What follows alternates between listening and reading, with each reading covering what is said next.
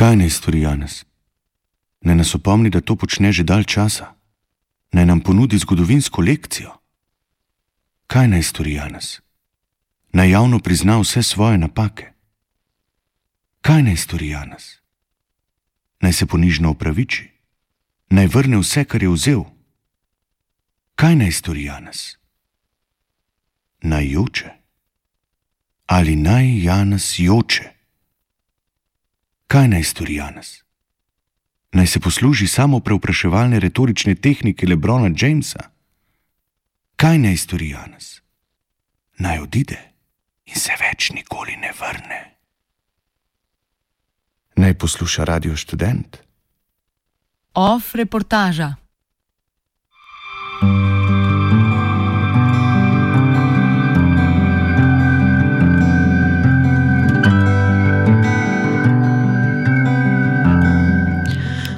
Monitor etike v znanosti.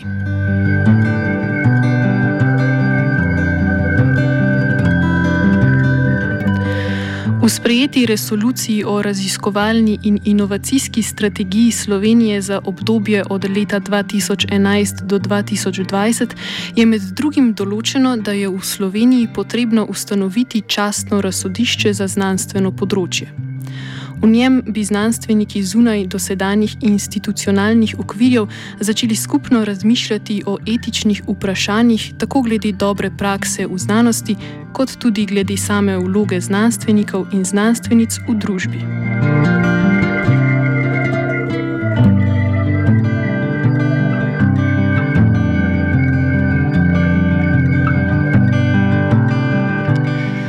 Častno razsodišče za področje znanosti pri nas od leta 2014 ustanavljata SAZU in Ministrstvo za izobraževanje, znanost in šport. Na to temo je bilo izvedenih nekaj javnih posvetov, vendar nikoli ni prišlo do dokončnega oblikovanja skupine, ki bi formirala smernice in mehanizme za njegovo ustanovitev. Trenutno se o etičnih dilemah v znanosti odloča v komisijah znotraj Javne agencije za raziskovalno dejavnost ARRS in znotraj številnih neodvisnih področnih komisij za raziskovalno etiko.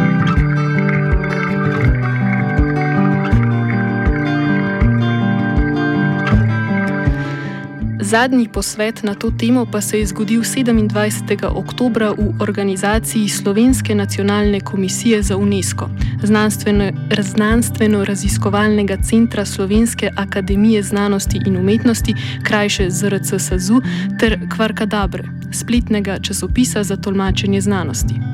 Njegovi pobudniki so bili fizik in filozof dr. Sašo Dolenc, dr. Luka Omladič z filozofske fakultete in dr. Urša Opara Krašovec z fakultete za elektrotehniko.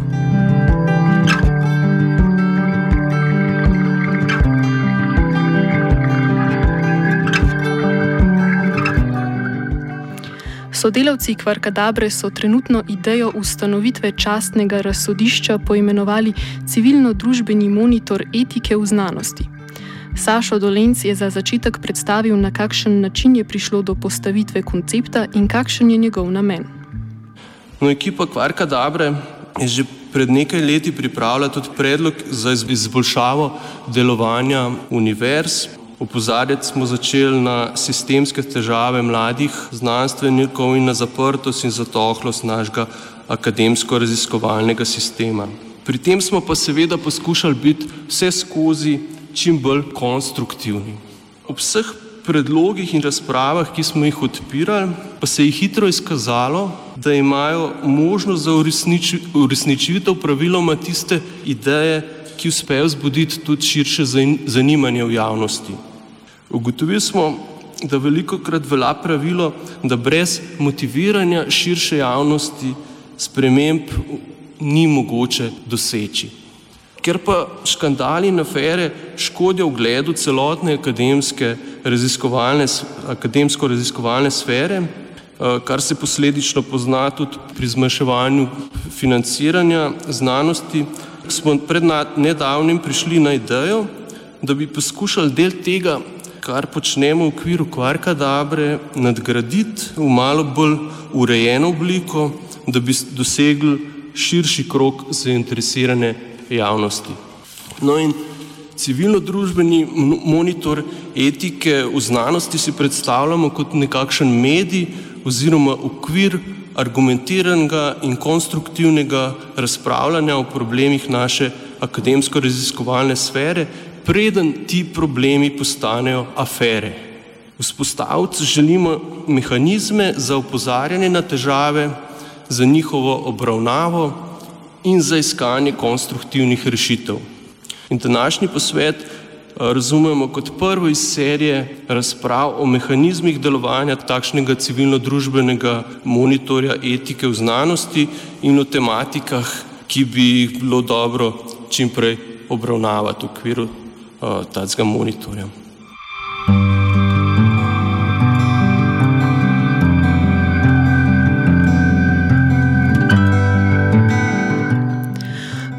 Uvodnem nagovoru se je med udeleženci posveta razvila debata, ki je odprla marsikatero vprašanje na področju etike v znanosti.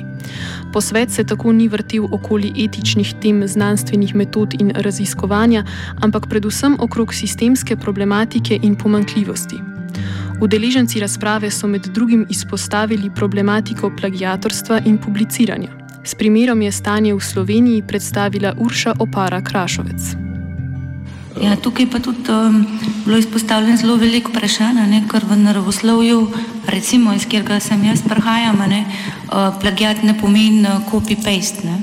ne pomeni copy-paste teksta, kar je specifično za družboslovje in humanistiko, ampak same osebine. Ko pri nas uh, konkretno se, jaz sem sama občutila, ker je pač nekdo ponovil praktično moje raziskavo, uh, ne z besedami, ampak vsebinsko samo pomnožil uh, vrednosti z 1,5 ene, um, res bizarno, ampak zadeva je pač šla skozi. Drugače pa sem še en komentar na to, kar ste rekel, kar se tiče uh, publiciranja. Jaz sem bil lansko leto na svetovni uh, konferenci o Research Integrity, kjer je bila glavna tema, uh, mislim, zelo pomembna tema prav to. Uh, in praktično je bilo sporočilo, da smo si zasmetili uh, revije, da je tega uh, smeti več kot 70 odstotkov, noter je prišlo uh, od plagiatov, samo plagiatov do razno raznih zadev. Ampak mislim, da je to tema zase. Pa sem še to, da nam predolg. Uh, pokazali so krivulje, kako to v svetu, uh, tako kot ste rekel, zapodarjamo bibliometrije, uh, pomembne, kot pomembnega faktorja za financiranje kasneje pridobiti, kako so ta, te točke jasno naraščale, število objav in citatov. Kar je pa v Sloveniji ekstremno in lahko pogledate krivuljo, kako se je obrnila, ko smo sistem uvedli. Če smo prej sledili Evropi v isti liniji oziroma svetu, imamo mi prelomnico, ko gre, uh, ko gre bom rekla, narašča linearno na določeni točki, je vzpon višji. Tako da prehitivamo Evropo, pre, prehitivamo svet, celo Kitajci so se obrnili dol. Zaradi politike RRS za kriterije ocenjevanja.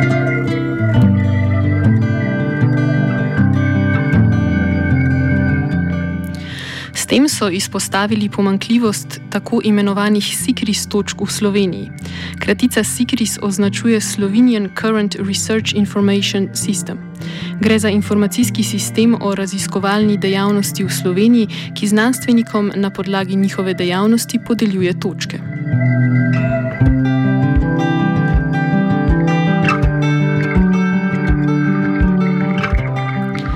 Zahteve za pridobitev točk so visoke, hkrati pa ni nobenega pravila oziroma mehanizma, na podlagi katerega se točke SIKRIS odštevajo.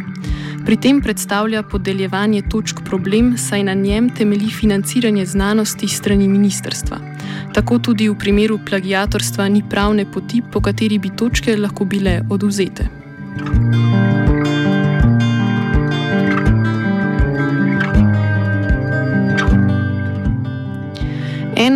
izpostavljenih tem posveta je bila tudi zaposljivost mladih znanstvenikov po opravljenem doktoratu in mladih raziskovalcev. Urša Opara Krašovec je razložila, kako se s tem spopadajo v tujini. Prejšnji teden smo imeli na Indriju sestanek, um, kako so pristopali, kaj zna biti pri nas problem, ko nekdo doktorira ne, in je potem na stopni ali po doktorski projekt ali nekaj se vklopiti.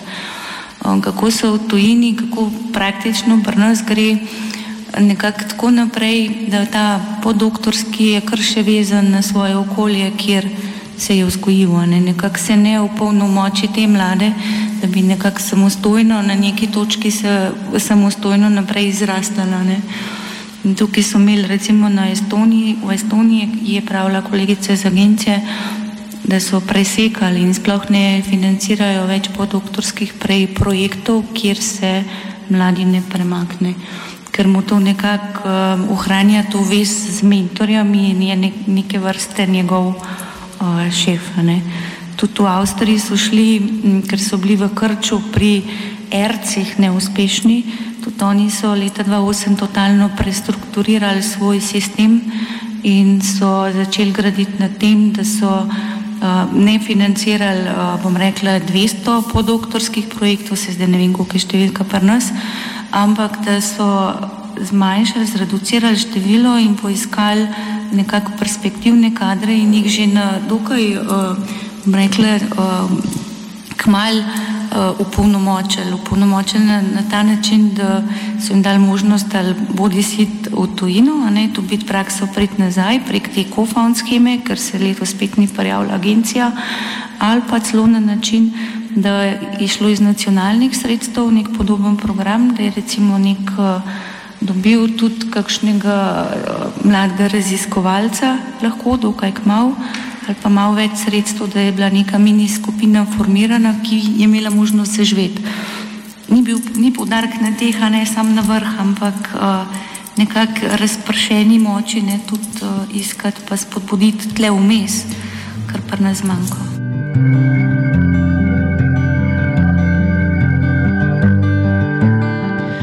Udeleženci posveta so bili enotni v pogledu, da je na področju etike v znanosti potrebno ukrepati. Predlagalo, predlagalo se je, da bi se mreža državljanske pobude na področju znanosti razširila in utrdila. Tako bi se izoblikovali in kasneje uporabljali določeni etični standardi. Samo idejo dogodka je komentiral dr. Franz Mali z Fakultete za družbene vede. Se mi zdi zanimiva ideja. Ne? Moramo pa vedeti, da. Uh, je bolj, da taka pobuda zraste v taki sferi skupnosti, kot, taki, kot da se veže na neke inštitucije. Ne. Se mi vemo, če samo pri enem organu nastanejo, ne, rečemo, so bile ideje samo pri ministrstvu, da bi nastala ne, v nekih obdobjih. To je v bistvu delikatno, ne, ker takrat pa znanstvena skupnost pravzaprav lahko pade tudi pod vpliv nekih zunanjih interesov, ne, kar je pa spet dodaten problem. Da se glas znanstvene skupnosti kot celote sliši ne samo institucionalno in interesno že povezanih, razdeljenih. V tem smislu se mi zdi taka ideja, da izvira iz skupnosti znanstvenikov kot take. Ne?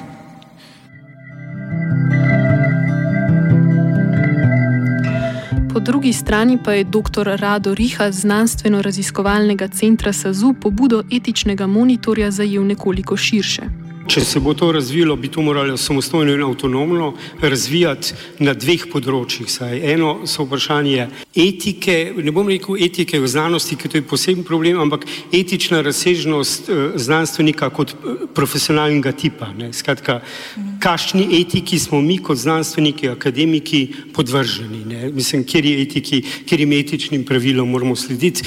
Etika v znanosti je veliko širši problem, tudi veliko bolj problematičen drugačen, kot je to sama kodeks, eh, kako ne lahko ravnamo ali smemo plagirati ali ne. To je eno. Drugo se mi zdi, zelo bi se držal ta ideja, ki sem jo, saj zdi se mi slišal, da bi bil to tudi organ, ki bi se ukvarjal z, ne samo z etiko, ne, ampak z znanstveno politiko. Ker jaz mislim, če bi uspeli na civilno, družbeni ravni, ne, uh, dobiti, da sama znanstvena sfera, se vključuje preko javnosti v debato, kaj je znanstvena politika, kakšno znanstveno politiko rabimo, kar pomeni, kaj pomeni imeti temeljne znanosti, kaj pomeni imeti aplikativne, kaj pomeni, kje dati povdarek, ne samo, kje so programske skupine, to so različni nivoji pol, ne, ampak tudi od tega, kako generalno je razumljena znanost, bo odvisno, kako bo cela znanost potem organizirana. Pa še nekaj je važno, ne, e, mislim, da ta pobuda bi morala absolutno delati na to, da se postavi enotna fronta med raziskovalci in pa univerzo. Mislim, akademska sfera ni samo univerza, ampak so raziskovalni zavodi, šest raziskovalnih zavodov javnih je in važno je, da se nekje neka enotna fronta uh, vzpostavi.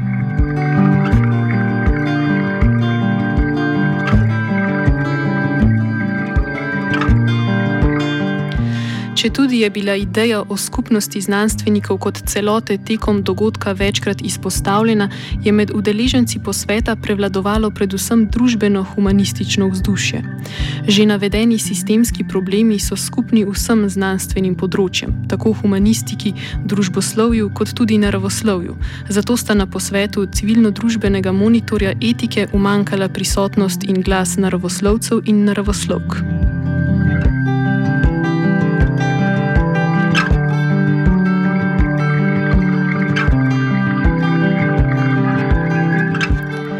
Na temo etičnega delovanja v znanosti je bilo v preteklosti odprtih že mnogo pobud, ki pa nikoli niso presegle ravni posvetov in razprav. V zaključku tokratnega posveta so pobudniki izpostavili predvsem problem razmerja moči glede vprašanj znanstvene politike na večjih nivojih. Odoziv udeležencev posveta civilno-družbenega monitorja etike v znanosti je pobudnike spodbudil k organizaciji nadaljnih razprav na temo etike v znanstvenih krogih.